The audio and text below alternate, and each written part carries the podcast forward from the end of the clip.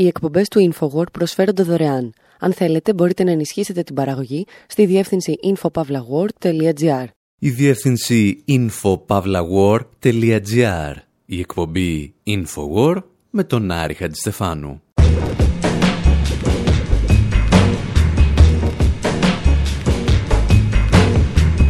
Όπου σήμερα άρπαζουμε συμβολικά μια βαριοπούλα και ρίχνουμε μερικά αγάλματα που ίσως δεν θα έπρεπε να έχουν στηθεί ποτέ. Αναρωτιόμαστε πώς θα αντιδρούσαμε αν η Γερμανία έστεινε έναν αδριάντα του Αδόλφου Χίτλερ στο κέντρο του Βερολίνου. Και ύστερα σκεφτόμαστε ότι το Βέλγιο δεν είχε κανένα πρόβλημα να κάνει κάτι αντίστοιχο στην πρωτεύουσα της Ευρωπαϊκής Ένωσης. Θυμόμαστε ότι κανένας δήμος στο Ηνωμένο Βασίλειο δεν θέλησε να φιλοξενήσει ένα άγαλμα της Μάργαρετ Θάτσερ, αλλά μας ενοχλεί αφόρητα το γεγονός ότι βρήκαν χώρο για τον Winston Churchill. Ουσιαστικά δηλαδή μεταφέρουμε και στο ραδιόφωνο μεταμουσικής μερικές από τις ιστορίες που διηγηθήκαμε και στη στήλη του Infowar στην εφημερίδα των συντακτών. Les migrants qui meurent de la noyade, c'est pas la mer à boire. Le bigot de Ségolène Royal, dans mon répertoire. C'est Dieu qui donne et qui reprend. Belega, comment tu me réponds? C'est pour ton bien, je te dis, baisse d'un ton. J'ai des sous, j'entreprends. Les jaloux, les teutrés, c'est pas nous. On est nombreux, mais on n'est pas mille. Celui qui aura ma peau n'est pas né. L'assassin de Florent Pagny. Si tu penses que t'es indispensable, oublie pas sur terre, on est plus de 7 milliards. La concu roule dans un corbillard. Une amitié gâchée à cause d'un poteau qui te balance. Gang, au stade j'aurais été produit par Dr. Dre ou Timbaland. J'ai pas connu les entretiens d'embauche. J'oublie pas l'époque où y avait rien dans les poches. La route vers le succès se met d'embûches. Celui qui parle mal, on lui casse sa bouche. À mes ennemis, je leur souhaite du bien, en toute sincérité. Mais que leur fils fasse baiser dans une télé-réalité. L'Afrique n'avancera pas tant qu'il n'y aura pas de monnaie commune. Africa sauvage. Au nord Kivu, j'ai pas vu l'OTAN, j'ai pas vu l'ONU. 243. Je suis cagoulé le plus connu. Cagoulé, plus connu au monde. Par les vrais de la rue soutenue. Hey. T'inquiète, le cœur y est. Je fréquente des meurtriers. Une rafale, deux rafales, trois rafales. Ton corps rapatrié. Je traîne avec Boops, y'a de feuilles sculptées, et ça date pas d'hier. C'est pas toi de me juger, même si je fais du rap, j'oublie pas la prière. Les je t'aime, c'est réservé que pour maman, je le dis pas tous les jours, je le dis couramment. Fuck Hitler et les nazis allemands. Léopold II, ce fils de putain qui parlait flamand. Ο νεαρός που σας ιστορεί γεννήθηκε με το όνομα Αμύρα Κιζαϊμίνια στο Ζαΐρ, το οποίο σήμερα ονομάζεται Λαϊκή Δημοκρατία του Κονγκό, ενώ ο ίδιος ακούει πλέον στο όνομα Καλάς Κριμινέλ, το εγκληματικό Καλάσνικοφ. Το τραγούδι είναι μια γεωπολιτική ανάλυση που ξεκινά από τους πολεμικούς εξοπλισμούς της Γαλλίας, συνεχίζει με τη σύγκρουση στο Κίβου του Κονγκό και μεταξύ άλλων φτάνει και στο σημείο που μας ενδιαφέρει σήμερα. Εκεί όπου συνδέει τον Χίτλερ και τους Γερμανούς Ναζί με τον Λεοπόλδο τον Δεύτερο, βασιλιά των Βέλγων. Το γιο της Ιερόδουλης που μίλαγε και φλαμανδικά, όπως επισημαίνει ο καλλιτέχνης. Η σύγκριση του Χίτλερ με τον Λεοπόλδο είναι φυσικά εξαιρετικά εύστοχη, γιατί οι αμφότεροι πραγματοποίησαν δύο από τις μεγαλύτερες γενοκτονίες στην ιστορία της ανθρωπότητας και το έκαναν για λογαριασμό της αστικής τάξης των χωρών τους. Ενώ όμως ο Χίτλερ θεωρείται σήμερα σαν συνώνυμο του κακού και έτσι πρέπει να τον θυμόμαστε, τον δεύτερο τον τιμούν στο Βέλγιο στείνοντας του αδριάντες και δίνοντας το όνομά τους σε δρόμους.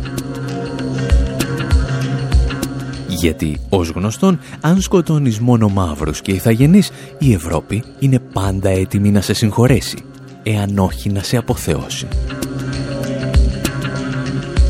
Αυτή την εβδομάδα βέβαια, με αφορμή τις διαδηλώσεις στο Βέλγιο για το Black Lives Matter, η Αμβέρσα αποφάσισε να απομακρύνει το άγαλμα του Λεοπόλδου. Επειδή όμως πολλά άλλα παραμένουν στη θέση τους, θέλουμε να θυμηθούμε μερικές κουβέντες που είχαμε πει και στο παρελθόν για τον Βέλγο γενοκτόνο.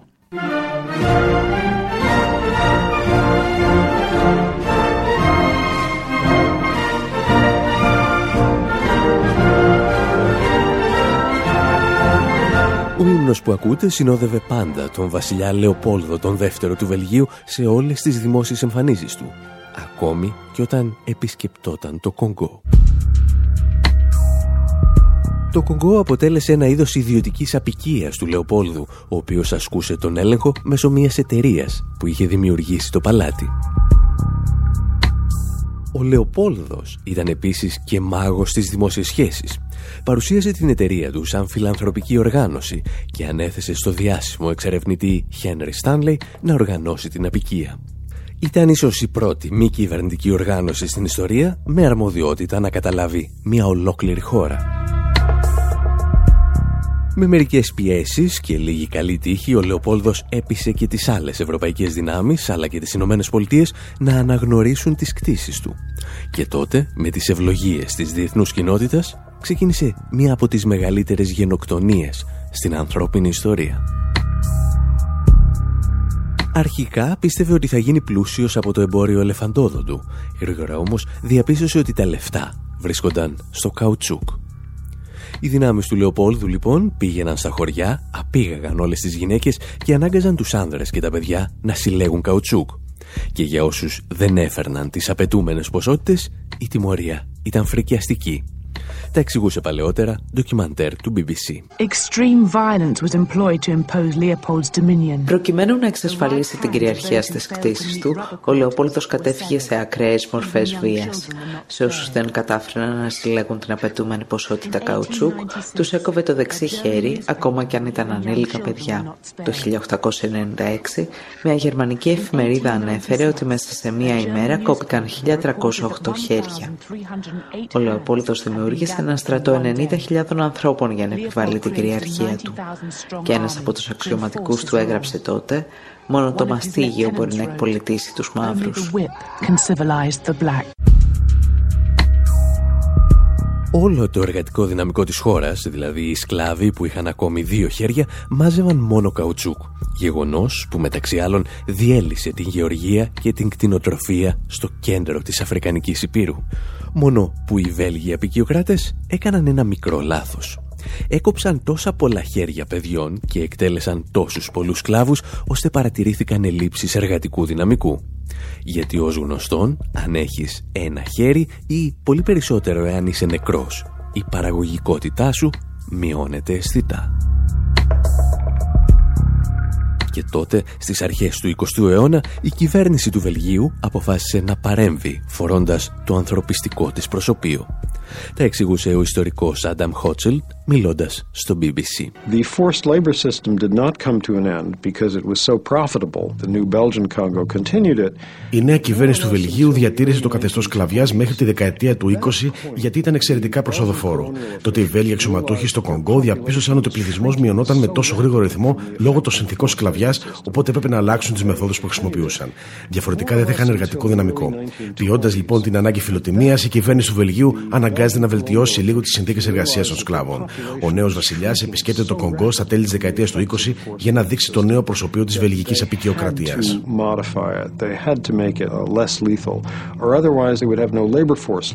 Η πτώση της παραγωγικότητας από τα κομμένα χέρια των σκλάβων δεν ήταν όμως ο μοναδικός λόγος για τον οποίο το Βέλγιο αποφάσισε να αλλάξει τη στάση του.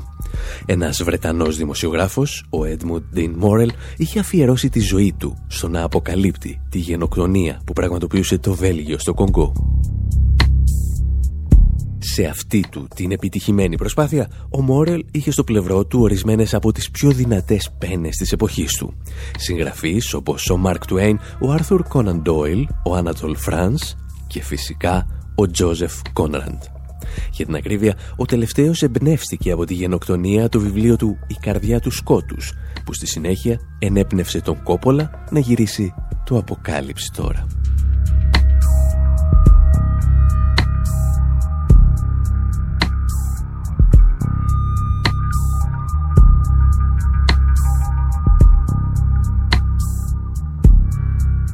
Το Βέλγιο λοιπόν αρχίζει να συζητά με καθυστέρηση μερικών αιώνων για την αποκαθήλωση των αγαλμάτων του σφαγέα του Κονγκό Λεοπόλδου του Δεύτερου.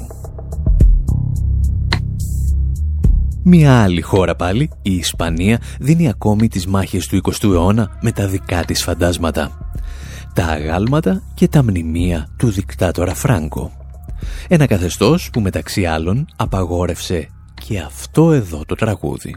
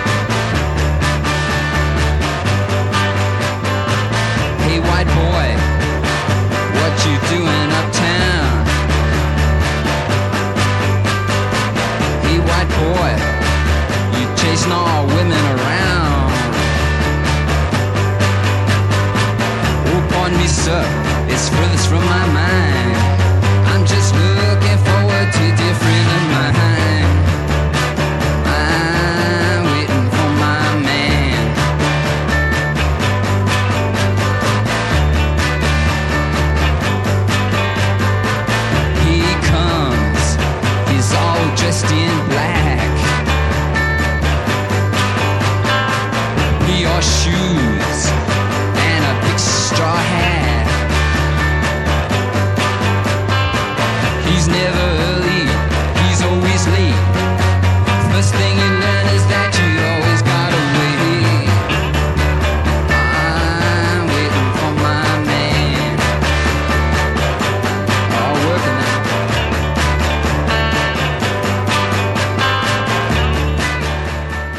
Ο Λου περιμένει τον άνθρωπό του με μερικά δολάρια στο χέρι. Περιμένει τον dealer του. Στα χρόνια της δικτατορίας του Φράγκο βέβαια, το τραγούδι απαγορεύτηκε στην Ισπανία παρά το γεγονός ότι οι λογοκριτές προφανώς δεν ήξεραν αγγλικά και δεν κατάλαβαν περί τίνος πρόκειται. Νόμιζαν ότι ήταν για τον ερωτικό δεσμό ενός κοριτσιού και το θεώρησαν εξίσου ανήθικο. Τη συγκεκριμένη ιστορία διηγούνταν η έκθεση Vibrations Prohibides που παρουσίασε όλα τα τραγούδια που απαγόρευσε κατά λάθος η δικτατορία του Φράγκο. Και ενώ θα περίμενε κανείς ότι η επιστροφή της δημοκρατίας θα απαγόρευε αν μη τι άλλο τα σύμβολα της δικτατορίας, αυτό δεν συνέβη. Σήμερα υπάρχουν αγάλματα του φασίστα Φράγκο σε τουλάχιστον εννέα πόλεις της χώρας. Και το χειρότερο είναι ότι υπάρχει ο τάφος του. Ένα μνημείο το οποίο υποτίθεται ότι τιμά όλα τα θύματα του εμφυλίου πολέμου. Αλλά στην πραγματικότητα είναι απλώς ένα μαυσολείο για να προσκυνάνε οι Ισπανοί φασίστες.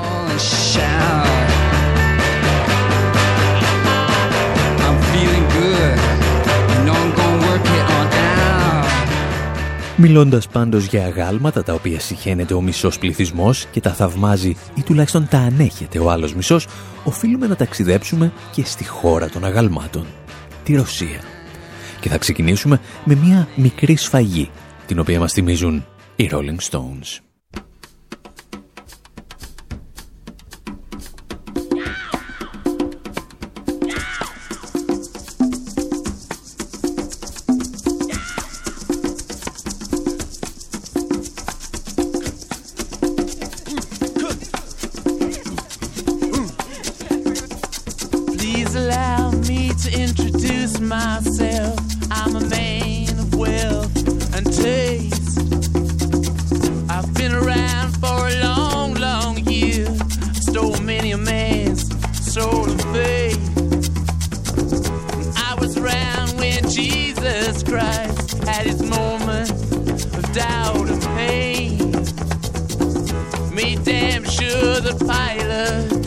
washed his hands and sealed his face.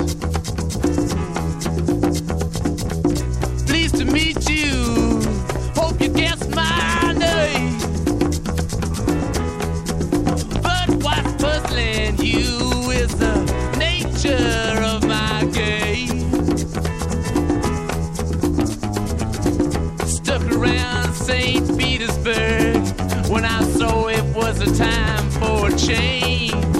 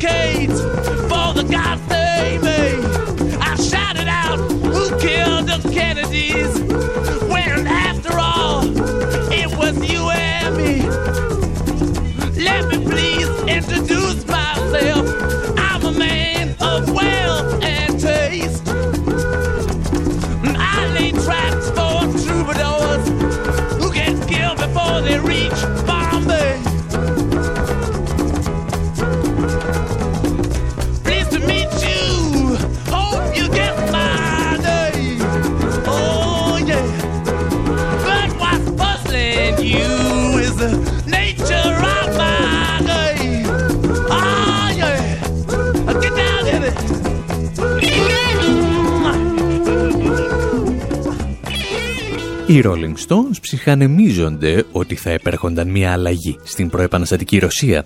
Κάθονται λοιπόν στην Αγία Πετρούπολη και παρακολουθούν τους επαναστάτες να σκοτώνουν τον Τσάρο και τους υπουργούς του. Και ενώ πολλοί στη Ρωσία πίστεψαν ότι είχαν ξεμπερδέψει με αυτή την ιστορία, καθώς η Σοβιετική Ένωση φρόντισε να εξαφανίσει τα αγάλματα των Τσάρων, τα πράγματα άλλαξαν το 1997. Ο Δήμος της Μόσχας αποφάσισε να τοποθετήσει ένα γιγαντιαίο άγαλμα, παύλα μνημείο, για τον Τσάρο Πέτρο τον Μέγα. Ένα μνημείο ψηλότερο ακόμη και από το άγαλμα της Ελευθερίας στη Νέα Υόρκη. Ασχέτως του τι πιστεύει κανείς για τους Τσάρους και τη Σοβιετική Ένωση, το να παρουσιάσει στους Μοσκοβίτες το άγαλμα του Πέτρου του Μέγα είναι σαν να περπατάς στην παραλιακή της Θεσσαλονίκης και να προσπαθείς να πουλήσεις το Αθηνόραμα. Γιατί ο Τσάρος μισούσε τη Μόσχα και οι Μοσχοβίτες μισούσαν τον Τσάρο. Γι' αυτό άλλωστε μετέφερε την πρωτεύουσα στην πόλη που ο ίδιος ίδρυσε, την Αγία Πετρούπολη.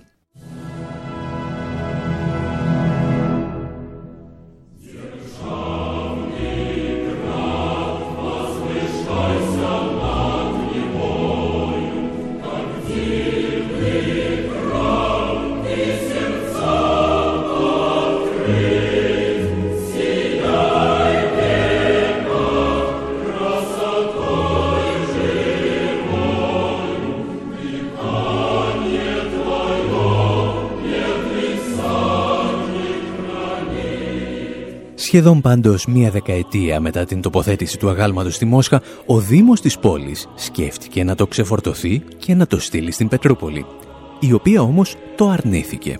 Οι μόνες περιοχές που προσφέρθηκαν να το φιλοξενήσουν ήταν η πόλη του Αρχάγγελσκ και η πόλη του Πετροζοβότσκ, για τις οποίες βαριόμαστε ακόμη και να σας εξηγήσουμε που βρίσκονται. Για την ιστορία, ένας άλλος αστικός μύθος, που ενδέχεται να μην είναι μύθος και σίγουρα δεν είναι αστικός, έλεγε ότι το άγαλμα εμπεριείχε μια μικρή απάτη. Ο δημιουργός του το είχε σχεδιάσει για να τιμήσει τα 500 χρόνια από την ανακάλυψη της Αμερικής από τον Χριστόφορο Κολόμβο. Επειδή όμως δεν βρήκε αγοραστή, έβαλε στη θέση του τον Τσάρο και είπε ότι το έφτιαξε για τα 300 χρόνια από την ίδρυση του πολεμικού ναυτικού της Ρωσίας. Και οι Μοσχοβίτες το αγόρασαν. Ζεστό ζεστό σαν το Αθηνόραμα. Εμείς πάλι κάπου εδώ κάνουμε το γνωστό μας διάλειμμα και συνεχίζουμε με τις ιστορίες αγαλμάτων που δεν έπρεπε ποτέ να έχουν δημιουργηθεί, αλλά δεν είναι ποτέ αργά να αποκαθιλωθούν. Προς το παρόν σας παραδίδουμε στο συγκρότημα Redskins. Το άλμπουμ λέγεται ούτε Μόσχα ούτε Ουάσιγκτον. Το εξώφυλλο έχει μια φωτογραφία από την ταινία «Θορυκτό Ποτέμκιν» του Eisenstein και ο τίτλος του τραγουδιού γκρεμίστε τα αγάλματα.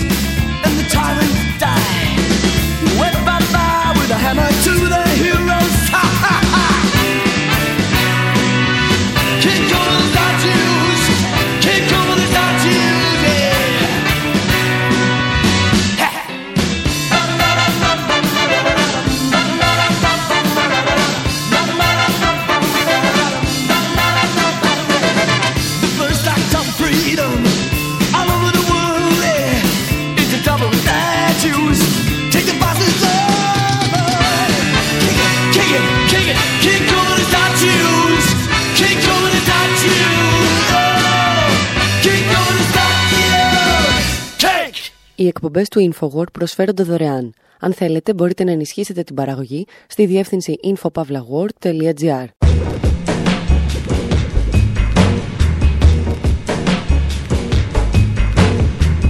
Εκπομπή InfoWord, μέρος δεύτερο. Όπου συνεχίζουμε το ταξίδι μας στις χώρες που έχουν τα λάθος αγάλματα στις λάθος πόλεις ή τα λάθος αγάλματα τελεία. Αφήσαμε τον γενοκτόνο Λεοπόλδο τον δεύτερο του Βελγίου, τον Φράγκο και τον Τσάρο Πέτρο το Μέγα και πρέπει να έρθουμε στα καθημάς. Να μιλήσουμε για το άγαλμα του Ντόναλτ Τραμπ μιας άλλης εποχής, το οποίο φιλοξενούμε στην Ελλάδα. Το άγαλμα του Χάρι Τρούμαν.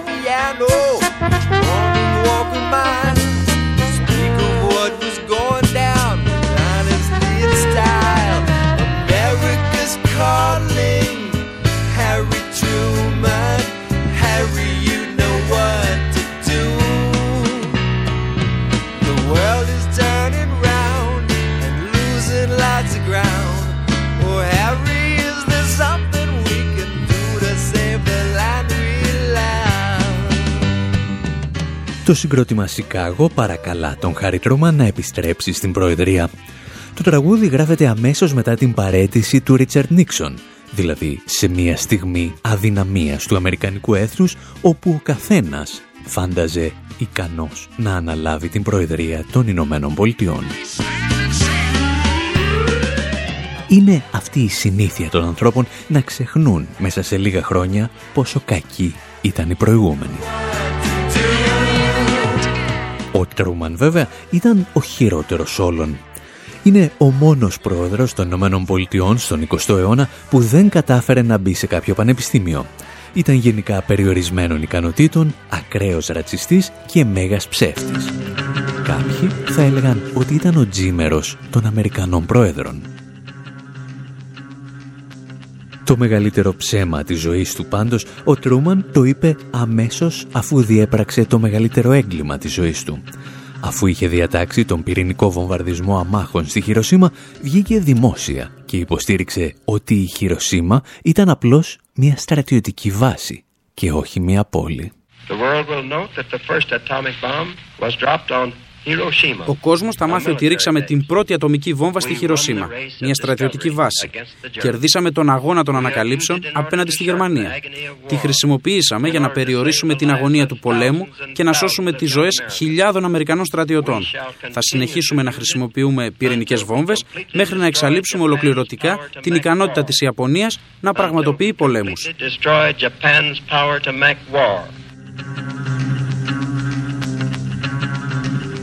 Ο Τρούμαν όμως θα συμπληρώσει και κάτι ακόμη. Ευχαριστεί το Θεό που έδωσε στην Αμερική την πυρηνική βόμβα και όχι σε κάποιον άλλο. Κηρύσσει δηλαδή μία ακόμη ιερή σταυροφορία. Μία πυρηνική τζιχάντ. Ευχαριστούμε τον Θεό που η ατομική βόμβα ήρθε σε εμάς και όχι στου εχθρούς μας. Προσευχόμαστε ώστε να μας καθοδηγήσει να τη χρησιμοποιήσουμε κατά βούλησή του και για τους σκοπούς του.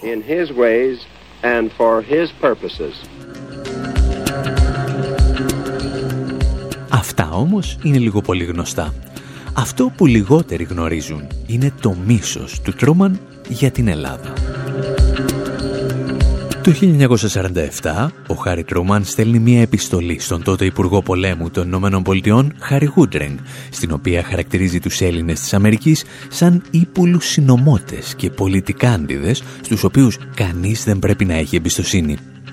Ως εκ τούτου κρίνει ότι δεν πρέπει να συμμετέχουν Έλληνες στην Επιτροπή Διαχείρισης της Αμερικανικής Βοήθειας.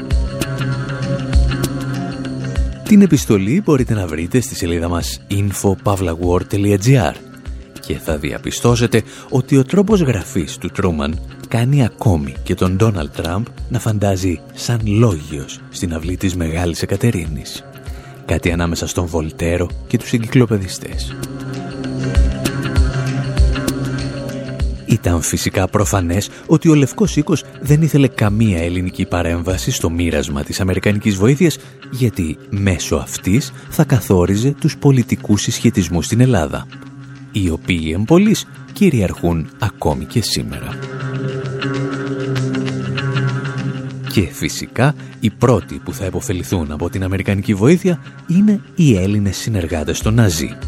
Μας τα εξηγούσε στην αντιφασιστική εγκυκλοπαίδεια του Infowar ο καθηγητής ιστορίας Γιώργος Μαργαρίτης. Να στηρίξει αυτήν την ε, εύθραυστη άρχουσα τάξη. Αυτές τις οικονομικές ελίτ. Δηλαδή τα μεγάλα ποσά του σχεδίου Μάρσαλ δοθήκανε σε ε, βιομηχανικές μονάδες, σε βιομήχανους, που όλους τυχαίως αν θέλετε, μάλλον σύμπτωση θα είναι, είναι οι ίδιες επιχειρήσεις που υποφελήθηκαν δραματικά στην κατοχή δουλεύοντας για τον κατακτητή. Παράδειγμα Λαναράς, η φαντουργία Λαναρά που ήταν και θύμα του εμφυλίου γιατί του κάψαν τα εργοστάσια. Και κατόπιν ο Λαναρά πρικοδοτήθηκε για να ξαναφτιάξει τις ζημιές κλπ. κλπ, κλπ. Έτσι. Ε, εφοπλιστές, τα 50 Liberties και ούτω καθεξής. Δηλαδή ε, το σχέδιο Μάρσαλ απέβλεπε να υπάρξει αυτή η οικονομική, να αναπτυχθεί αυτή η οικονομική δυναμική της, ε, της ελίτ, ε, της οικονομικής ελίτ της χώρας και να αποκτήσει αυτή, να αποκτήσει και την πολιτική δύναμη, αν θέλετε. Η οικονομική δύναμη σημαίνει και πολιτική δύναμη.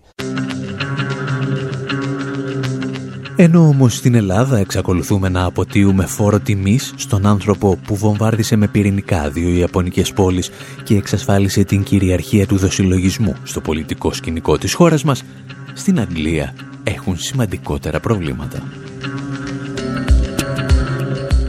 Είναι αναγκασμένοι κάθε μέρα να βλέπουν στην καρδιά του Λονδίνου το άγαλμα του Winston Churchill. Επόμενο τραγούδι, επόμενη ιστορία.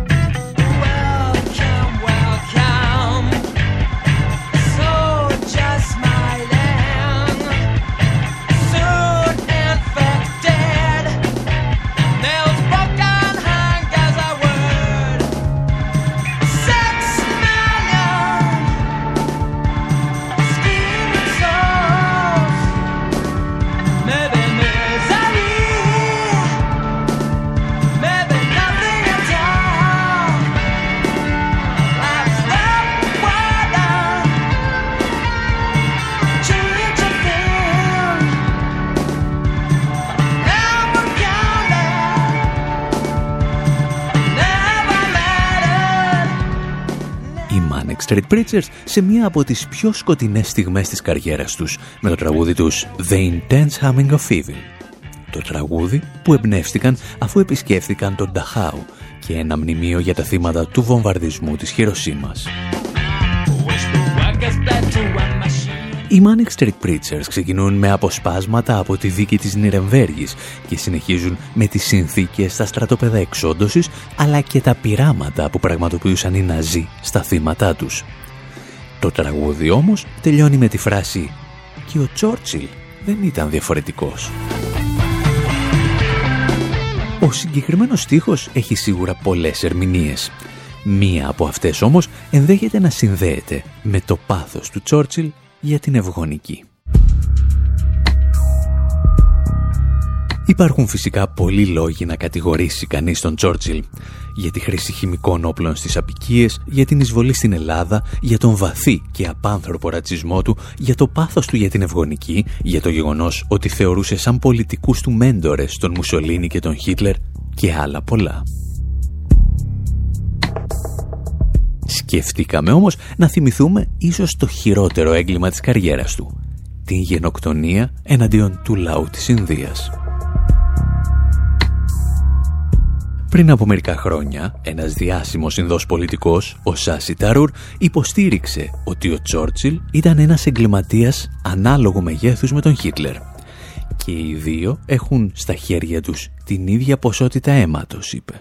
Uh, he has as much blood on his hands as Hitler does, and um,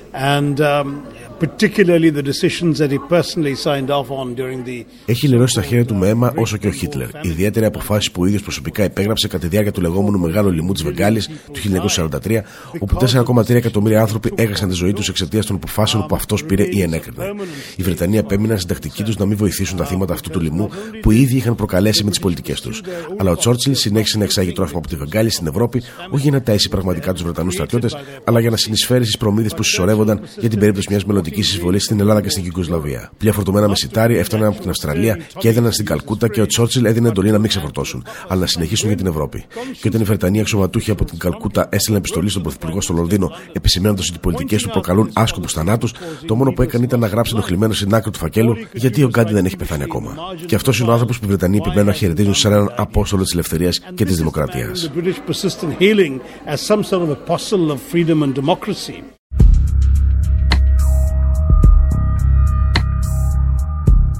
Εάν έχετε δει φωτογραφίες από το λοιμό της Βεγγάλης, θα θυμάστε τα χιλιάδες σκελετωμένα πτώματα που γίνονταν τροφή για τους γήπες. Ίσως να έχετε ακούσει για τους γονείς που έπνιγαν τα παιδιά τους για να τα γλιτώσουν από τον αργό θάνατο της ασυτείας. Και όλα αυτά, σύμφωνα με τον Σάσι Ταρούρ, έγιναν με μία υπογραφή του Winston Churchill.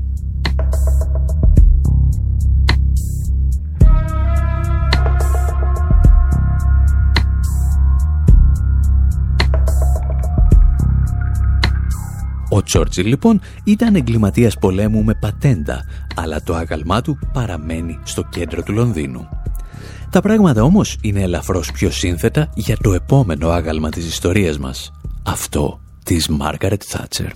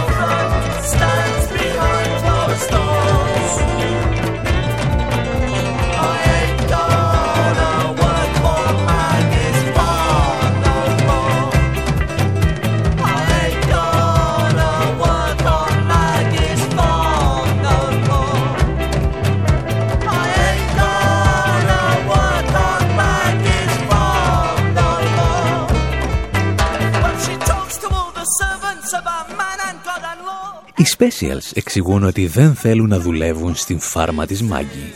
Και σε αντίθεση με όλες τις άλλες εκτελέσεις του τραγουδιού, κανένας δεν αμφέβαλε ποτέ για το ποια ήταν η δική τους Μάγκη. Πριν από δύο χρόνια, αν θυμάστε, είχαν προγραμματιστεί τα αποκαλυπτήρια αγάλματος της Μάργαρετ Θάτσερ κοντά στο Βρετανικό Κοινοβούλιο. Το Δημοτικό Συμβούλιο του Westminster όμως απέρριψε τη σχετική πρόταση. Οι αρχές του Λονδίνου αναζήτησαν άλλη περιοχή, αλλά η απάντηση ήταν πάντα αρνητική. Όλα τα δημοτικά συμβούλια έκριναν ότι η παρουσία του αγάλματος θα οδηγούσε σε κοινωνική αναταραχή και πιθανό βανδαλισμό.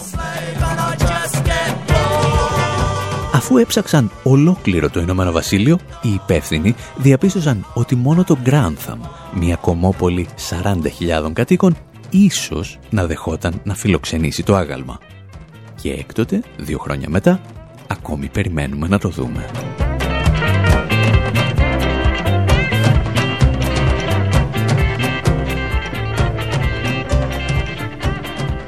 Προφανώς η Μάργαρετ Τάτσερ δεν θα μπορούσε να έχει διαπράξει τα εγκλήματα πολέμου και τα εγκλήματα κατά της ανθρωπότητας του Τσόρτσιλ, γιατί πολύ απλά δεν της δόθηκαν οι ευκαιρίες. Στον μοναδικό πάντως πόλεμο στον οποίο ενεπλάκη ενεργά, κατηγορήθηκε για ένα έγκλημα πολέμου. Τις τα έλεγαν και οι Pink Floyd.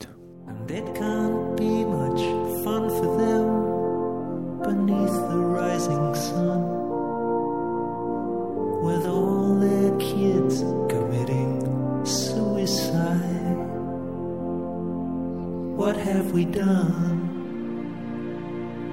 Maggie, what have we done? What have we done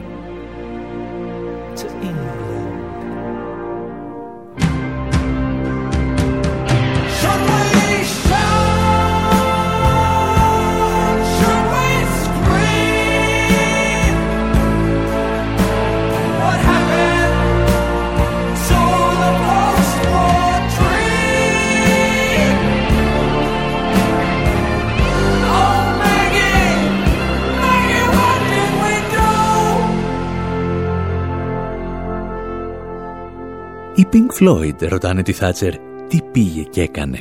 Και μεταξύ άλλων αναφέρονται στην απόφασή της να βυθίσει ένα πλοίο που μετέφερε τραυματίες πολέμου.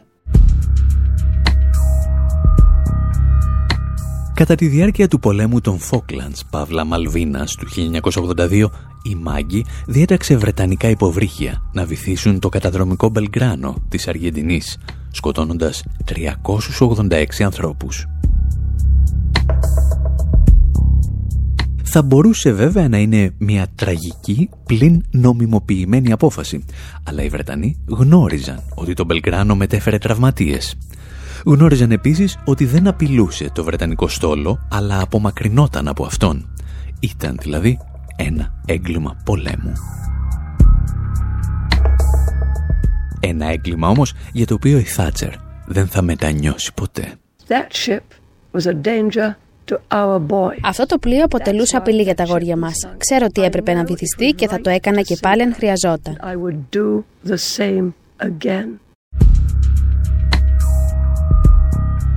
Η Βρετανία παραμένει ακόμη και σήμερα διχασμένη για τη βήθηση του Μπελκράνο με μεγάλο κομμάτι της Βρετανικής αριστεράς να μιλά για έγκλημα πολέμου. Με αυτά και με εκείνα πάντως, το άγαλμα της Τάτσερ παραμένει ανεπιθύμητο στη γενέτειρά της. Ακόμη και από συντηρητικούς βουλευτές που δεν αντέχουν να το βλέπουν να βανδαλίζεται κάθε τρεις και λίγο. Εμείς πάλι κάπου εδώ θα σας αφήσουμε και για αυτή την εβδομάδα.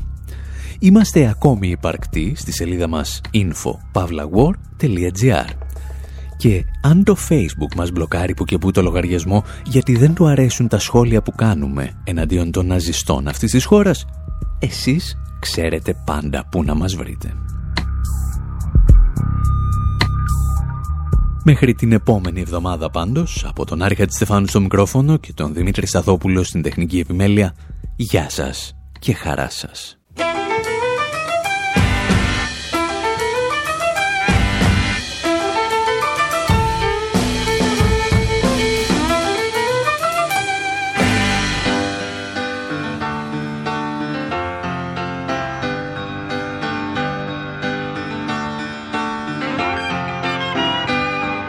Shirt one day with a machine gun silhouette sporting a rainbow clip.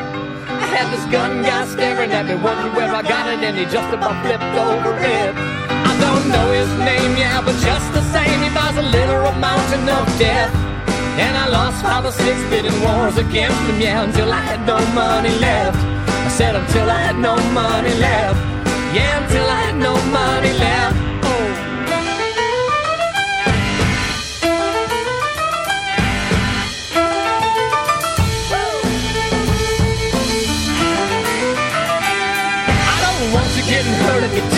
Disappointed if the feathers are broken and dead. The birds look good in person, but not in the photos and super vice versa, I bet. I seen the auctioneer getting pretty frustrated if something good gets on the bid. When I went down there, I got pretty damn suspicious, but it seems like a pretty good kid. Yeah, it seems like a pretty good kid. Well, it seems like a pretty good kid.